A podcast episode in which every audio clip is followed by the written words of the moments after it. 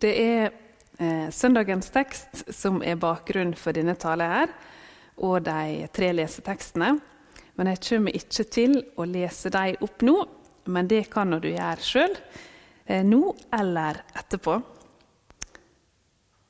Jeg har sett eh, temaet 'Vend om og fyll gjeteren'. Jeg vil prøve å svare på fire spørsmål. Og det er hvordan kan vi bli bedre kjent med denne gjeteren? Og hva kjennetegner han? Hva vil det si å ha Gud som gjeter og fylle han? Og hvordan går det med en saud som glemmer gjeteren? I Bibelen kan vi lese flere plasser at Jesus er den gode gjeteren, og at vi som vil fylle han, er i flokket hans. I Johannes kapittel 10 kan vi lese han kaller sine egne sauer med navn og leier dem ut.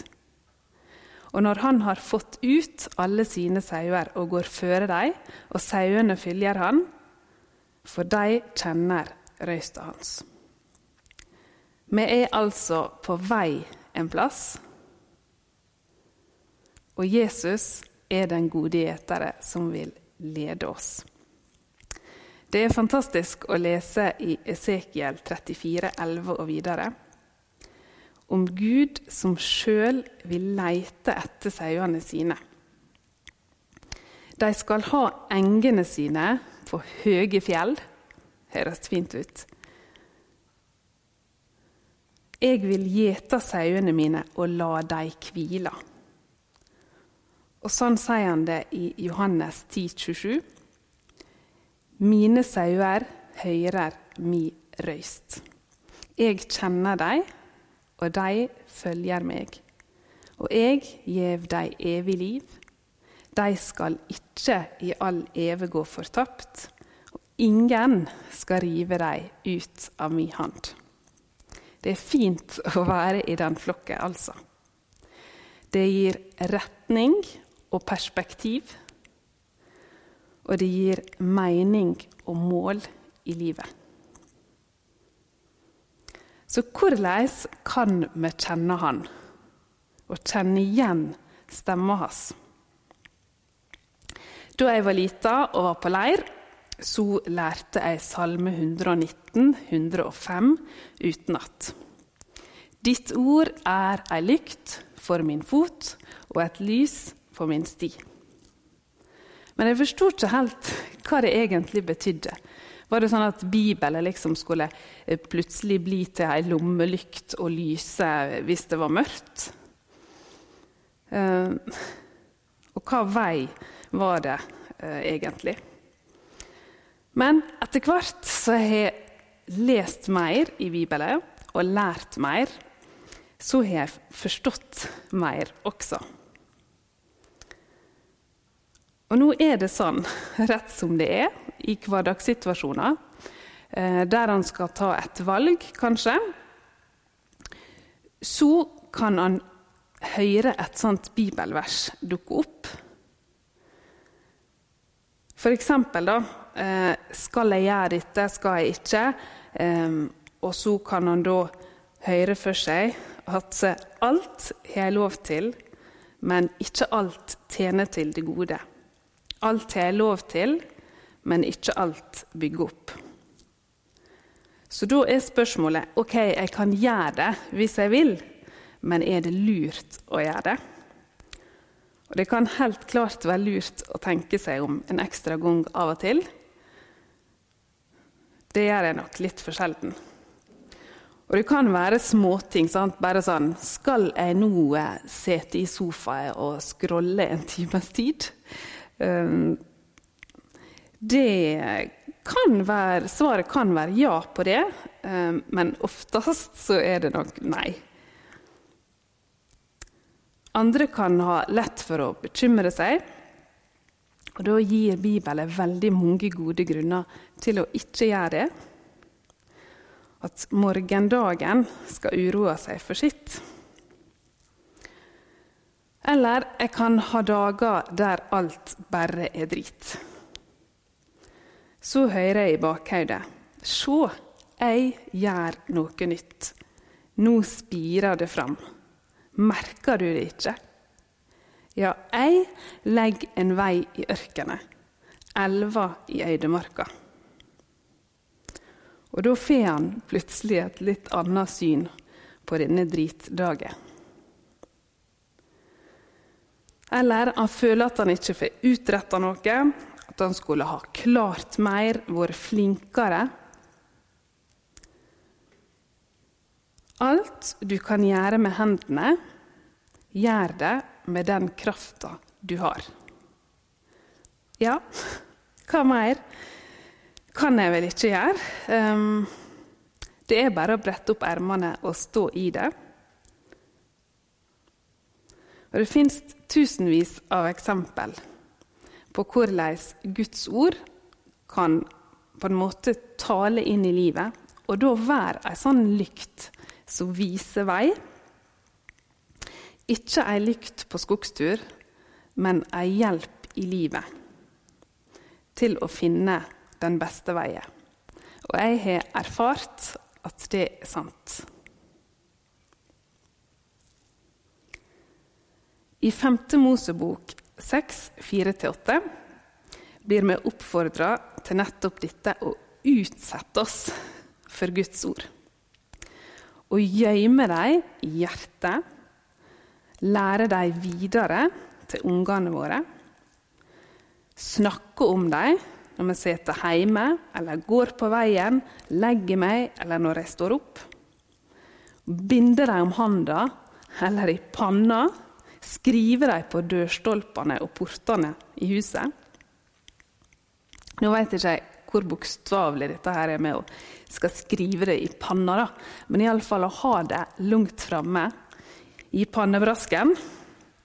Og henge opp et quote i huset kan han også gjøre. Det er ikke feil. Og så har jeg en gang fått et tips om å ha andaktsbok på do. Så i skuffa på badet, det er et tips jeg kan gi videre. Men hva hvis vi ikke veit hvor vi skal begynne å lese, eller hva det betyr? Og nettopp det står det også om i Bibelen. Om den etiopiske hoffmannen i apostelgjerningene 8. Han hadde fått tak i bokruller til Jesaja-boka og satt og las høyt. Og han Philip, som var en læresvein som ble sendt nettopp dit, han kom og spurte skjønner du det du leser. Og den etiopiske hoffmannen sier hvordan kan jeg det når ingen rettleier meg? Og Så fikk han Philip forklare. Så vi må lære av den etiopiske hoffmannen som var ærlig og sa at han ikke forsto. Vi må oppsøke noen som kan forklare oss. Vi kan fare på gudstjenester eller nå finne digitale ressurser der noen forklarer. Og så må vi tørre å spørre og si når vi ikke forstår det. Noen har hatt sjanse til å spørre hjemme helt fra de var små, om alt som jeg har lurt på. Mens andre må starte med det seinere i livet. Og jeg er så heldig nå at jeg går i ei bibelgruppe med noen andre damer her i forsamlinga. Og der så kan jeg si dette her forsto jeg ingenting av etter vi har lest en bibeltekst. Og så kan vi hjelpe hverandre på veien videre. Men hvordan er denne her gjetere som jeg skal fylle, da? Jesus, Gud, Den hellige ande? Jeg har lyst å bruke C.S. Lewis sine ord fra barnebøkene om Narnia. Der skildrer han løva Aslan som sønn av herskeren over havet, skaperen av hele Narnia. Og denne Aslan, løva, viser seg også som et lam. Og det er altså et bilde på Jesus. Jeg skal lese litt nå fra ei av de sju bøkene fra den som heter 'Hesten og hans gutt'. Og jeg vil at du skal legge merke til hva vi kan lære om Gud her. Hvem er denne gjetere? Boka handler altså om en gutt som har vokst opp i vanskelige kår i et annet land. Eh, og han eh, har ikke hørt om denne Aslan. Og han legger ut nå på ei farefull reise der det skjer mye, og han rømmer da i lag med en hest. Nå har han verken mat eller mot eller krefter igjen.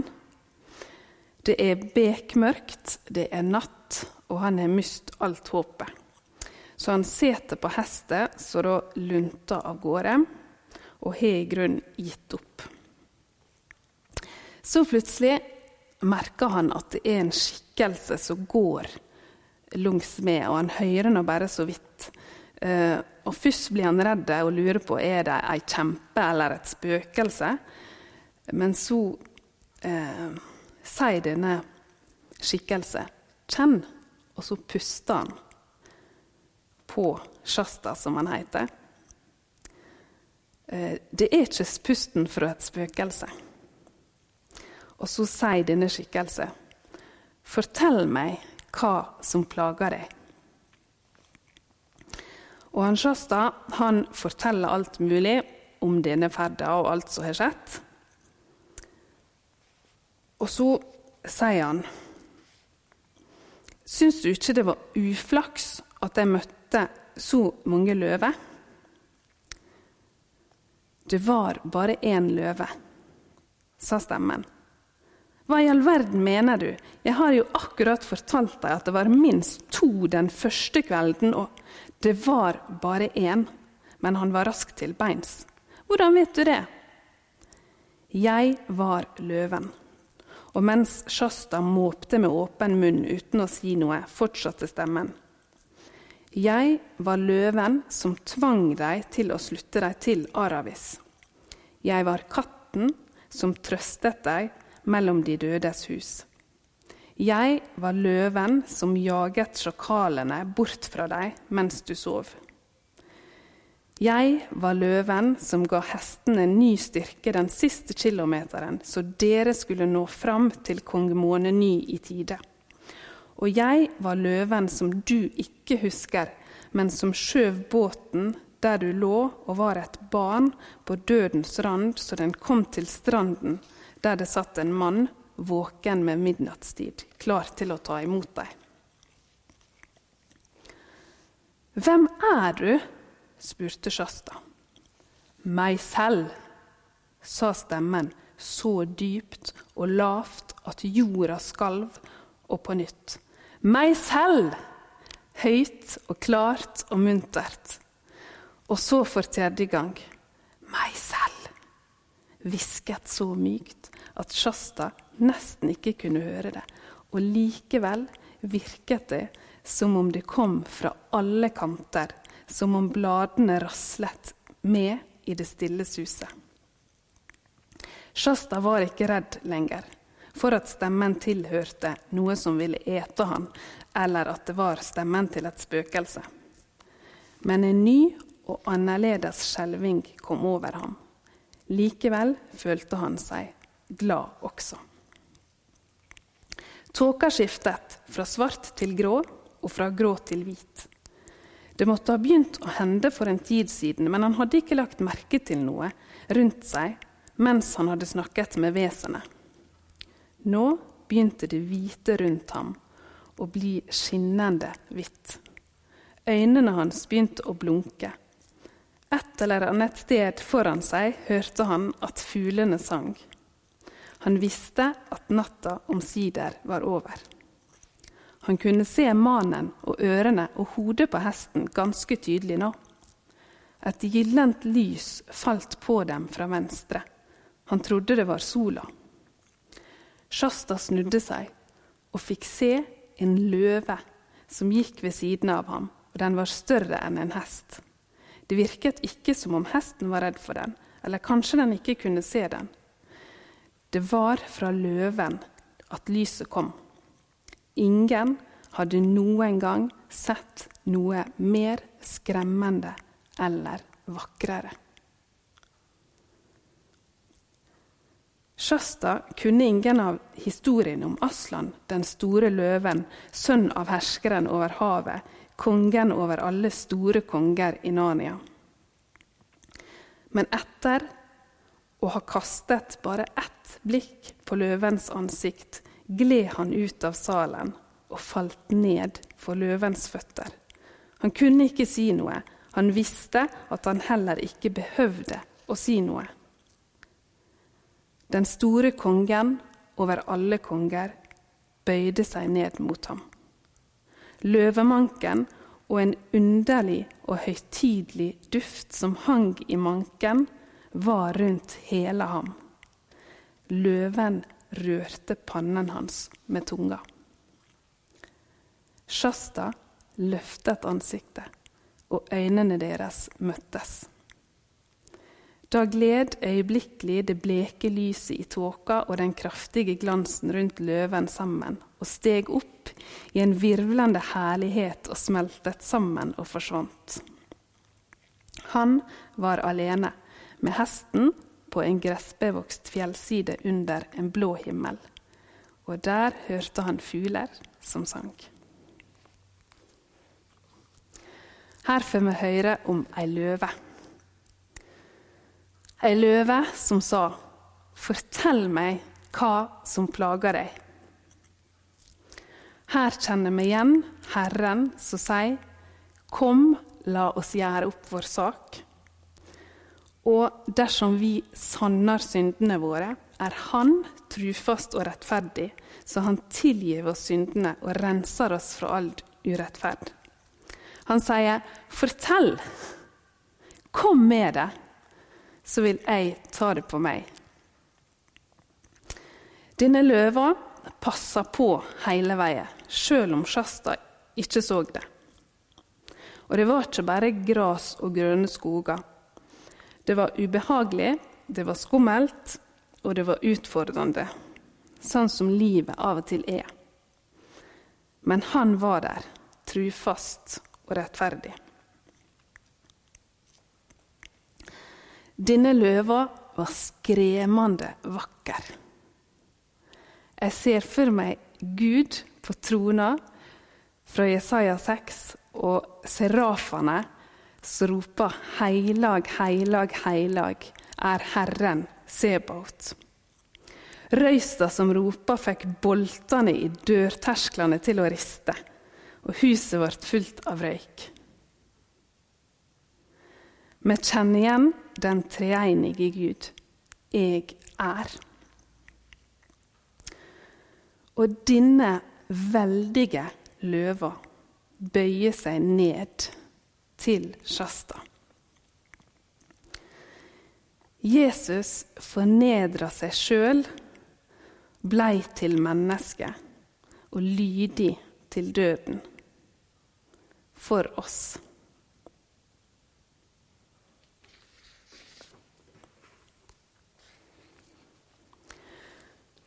Så hva vil det da si å ha denne Gud til gjeter å fylle Han, altså å være kristen? Hva vil det si? Er det å tro på en eller annen makt eh, som kan hjelpe deg å finne noe du har mist, eller kan styre været sånn som han vil? er det å være kristen å kunne ha noen å snakke til når du er livredd og har prøvd alt annet. Eh, en du tenker på sånn av og til. Er det å følge Han, den store, allmektige og gode gjetere. Og stort sett kjøre sitt eget løp, um, men breke etter hjelp er sann når du finner det for godt. Bibelens Gud kan ikke reduseres til ei makt som vi kan manipulere. Vi kan gjerne be om godt og laglig vær. Vi kan rope når vi er livredde. Og også når vi har mistet bilnøklene. Men han er så mye mer. Han er heilag. Han er skaper. Det er han som har laga naturlovene, som vi prøver å finne ut og forstå. Han er kjærleik. Han er rettferd og sanning. Han er. Reis opp, vær klar, for kongen din er nå på veg.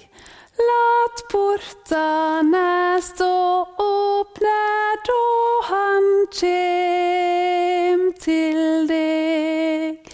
Lat opp, slipp han inn. Det er inntil deg han vil. Hører du fanfarene i bakgrunnen der?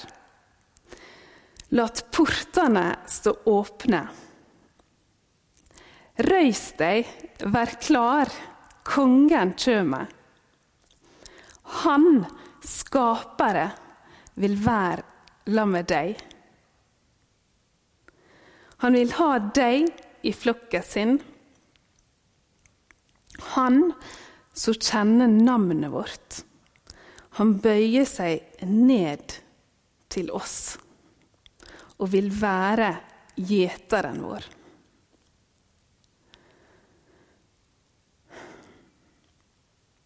Da kan ikke vi bli liggende på sofaen og scrolle. Vi må stoppe opp og se oss om.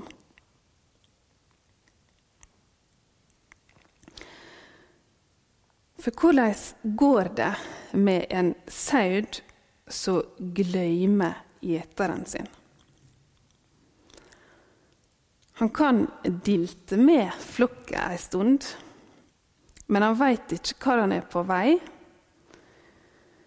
og hvor målet er, og hva retningslinjer som gjelder. Han kan prøve å herme etter de andre. Men så er det litt sånn ulike typer i flokken, da. Der kan være en som er mest opptatt av å fortelle andre hva som er rett, og hva som er feil. Du må gå akkurat der. Nei, ikke se, ikke se, ikke se der. Rett fram. Gjør sånn. De hine i flokken kan da få et sånt begrensa liv der de bare går og lister seg rundt, livredde for å tråkke feil. Da blir det vanskelig å se fridommen i Jesus. Så kan det være én saud i flokken som er veldig inkluderende. Alle kan få komme hit, det er plass til alle samme hva. Og ja da, du kan være bjellesau selv om du ikke veit hvem gjeter er, eller hva retninga er, eller hva målet er, eller noe. Og disse retningslinjene kan ikke være så nøye, bare vi er koselige og inkluderende med alle. Så går det nok greit. I flokken kan det også være sauer som konsentrerer seg mest om å sammenligne seg med andre. Ja, ja. Jeg er nå ikke sånn som den sauen der, iallfall.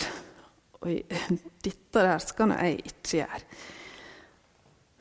Eller Nei, jeg er ikke så flink som alle de. Han der, han kan greie det bedre enn meg, så jeg, jeg, jeg tror ikke jeg kan bidra med noe.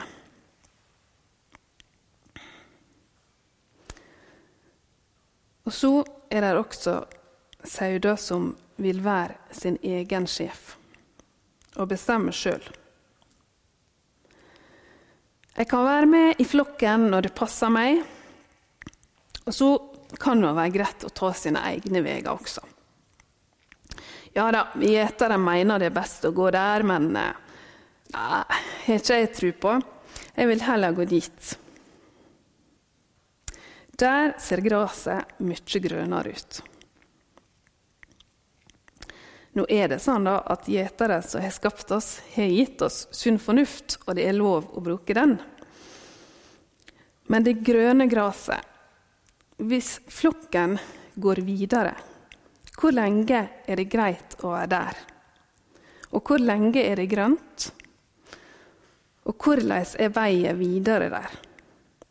Og hvordan veit du at du kommer fram til målet til slutt?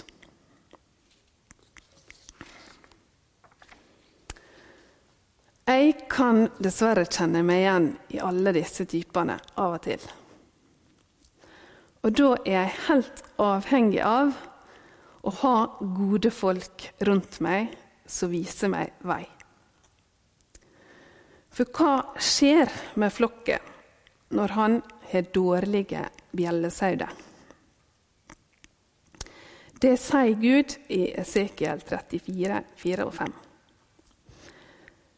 Ikke har det styrkt de veike, ikke lekt de sjuke, ikke bundet om de skadde, ikke ført tilbake de bortdrivne, ikke leita opp de bortkomne, men med makt har de herska over dem, og med tvang. Sauene ble spredde, de hadde ingen gjeter. De ble føde for alle slag villdyr. De ble spredde. Sauene mine villa seg bort på alle fjell og høye hauger. De ble spredde ut over hele jorda. Ingen leita etter dem. Så det gjelder å holde blikket festa på gjetere. Så vil han vise veien og han vil også vise oss andre som vi kan hjelpe videre. Og der har vi ulike oppgaver. Noen de må gå i front, sånn som f.eks.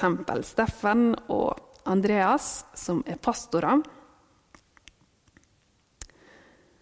Noen må gå en mil ekstra for å hente de som har vimsa seg vekk. Noen må bære noen andre på ryggen. Men i noen perioder så har vi mer enn nok med å holde fylle. Og vi må få gå midt i flokket, kjenne varme fra de andre, få ligge i dragsuget. Vi er avhengig av at de rundt oss peker på gjetere og viser vei. Noen må hente inn de som andre har jaga vekk. Andre må styrke de sjuke. Flokken må være klar på målet og retninger. og avsløre de som det har bikka litt for. Så folkens, vi må lese Bibelen på ren rutine. Sånn som vi eter frokost, sjøl om vi ikke alltid har like god matlyst. For vi veit at det er bra. I Efeserane 4,27 står det Gjev ikke djevelen rom. Og hvordan kan vi unngå det? Jeg, vi må gi Herren rom. I Bibelen og i livet så møter vi Gud skremmende og vakker. Og da må det være med oss som det er, var med Shasta i Narnia-boka. At vi glir ut av salen og feller ned for føttene hans. Så vil den store kongen over alle konger bøye seg ned og røre ved oss. Jeg vil avslutte med å lese tre vers fra apostelgjerningene 3 og et vers fra Esekiel 34. Angra difor, og vend om, så syndene dykkar kan strykast ut. Da skal det komme tider med lindring fra Herren. Og Han skal sende den Messias som er bestemt for dykk, Jesus. Han må være i himmelen til den tid kjem da alt skal gjenreisast, som Gud har tala om fra eldgamle dager ved munnen til sine hellige profeter. Det er sauene mine, flokken som jeg gjeter. Det er mennesket. Jeg er dykker Gud, sier Herren Gud.